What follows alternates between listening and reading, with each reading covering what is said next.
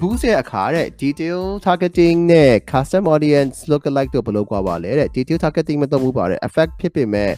customer custom ကိုသုံးတဲ့အချိန်မှာ people who like your page ကိုရွေးပြီးစမ်းကြည့်ရ effect မဖြစ်ဘူးဆရာတဲ့ custom ကိုပဲချိန်မှာသုံးရလဲပြီးရင် lookalike ကတော့ဘယ်လိုသုံးရလဲတဲ့တော့ detail targeting ရဲ့ custom audience ရဲ့ lookalike ရဲ့ဘာကွာလဲဆိုတော့ detail targeting ကကျွန်တော်တို့ အာအကုန်လုံးသိပါတယ်ကျွန်တော်တို့ interest တွေပါတယ်ရွေးပြီးတော့ boost လာလေနော်အဲ့ဒါကျွန်တော် detail targeting ကျွန်တော်တို့ခေါ်တော့ psychographic targeting လို့ခေါ်တယ်အာ geo ရဲ့ demo ရဲ့ psycho ရဲ့ကျွန်တော်တို့အသက်အရွယ်ရဲ့အသက်အရွယ်ရဲ့နေရဲ့လိပ်စာရဲ့သူတို့စိတ်ဝင်စားတဲ့ topics ရဲ့ရွေးရွေးရွေးလိုက်ပြီးတော့မှကျွန်တော် boost လိုက်တဲ့ဟာမျိုးအဲ့ဒါက detail targeting နဲ့ကျွန်တော်သွားတဲ့ဟာ custom audience ကြတော့ကျွန်တော်တို့က retargeting လို့ခေါ်တယ် retargeting retargeting ဆိုတာ remarketing ပေါ့နော်ကျွန်တော် remarketing retargeting အဲ့လိုခေါ်တယ် အဲ့တော့ remarketing ကဘယ်လိုသွားလဲဆိုတော့ကျွန်တော်တို့ရဲ့ video ကိုကြည့်ဘူးတဲ့သူတွေပဲဖြစ်ဖြစ်ကျွန်တော်တို့ရဲ့ website ကိုလာဘူးတဲ့သူတွေပဲဖြစ်ဖြစ်ကျွန်တော်တို့ရဲ့ customer အဟောင်းတွေကိုပဲဖြစ်ဖြစ်ကျွန်တော်တို့ရဲ့ app ကိုသုံးခဲ့ဘူးတဲ့သူတွေကိုပဲဖြစ်ဖြစ်ဖြစ်ကျွန်တော်တို့ရဲ့ site တွေကိုရောက်ဘူးကျွန်တော်တို့ကျွန်တော်တို့ဘက်က customer နဲ့ကျွန်တော်တို့တခုခုနဲ့ engage လုပ်သွားတဲ့သူတွေကိုကျွန်တော်ကပြန်ပြီးတော့ target ပြန်ထားပြီးတော့မှအဲ့ဒီလူတွေကိုနောက်ထပ်ကြောင်အောင်တစ်ခုပြတာပါဆိုတော့အ ਨੇ ဆုံးတော့ customer Facebook က customer ကမဟုတ်ဘူး Facebook ကကြော်ညာမယ်ဆိုလို့ရှိရင်လူရောက်တထောင်လို့တယ်အဲ့တော့ကျွန်တော်တို့ကဒီနေရာမှာ people who like your page ကအရောက်တထောင်ရှိလားပေါ့နော်မရှိဘူးဆိုလို့ရှိရင်တော့မရှိဘူးပေါ့အဲ့တော့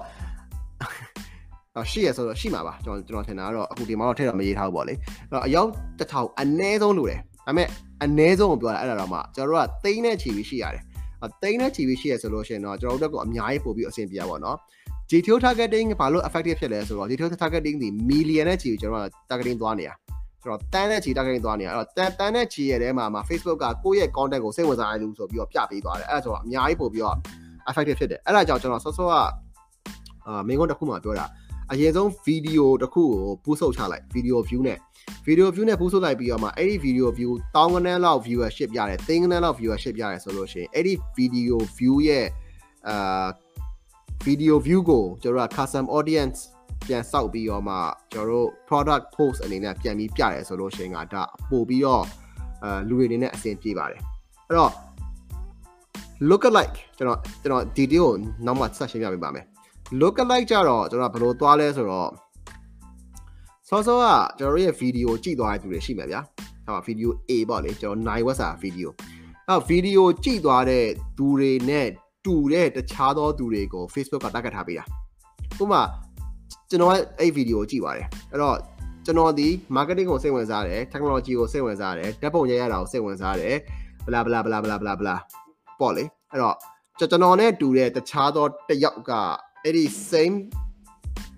character ရှိတယ် right marketing ကိုစိတ်ဝင်စားတယ် technology ကိုစိတ်ဝင်စားတယ်ဓာတ်ပုံရိုက်ရတာကိုစိတ်ဝင်စားတယ် bla bla bla bla bla ဆိုတဲ့ဟာတွေတွားပြီးတော့တူနေရဆိုလို့ရှိရင်ကသူ့ကိုတွားပြပေးတယ် အဲ့တော့အဲ့ဒီဟာဒီကျွန်တော်ရဲ့ look alike audience ကိုခေါ်တယ်အဲ့တော့ကျွန်တော်တို့က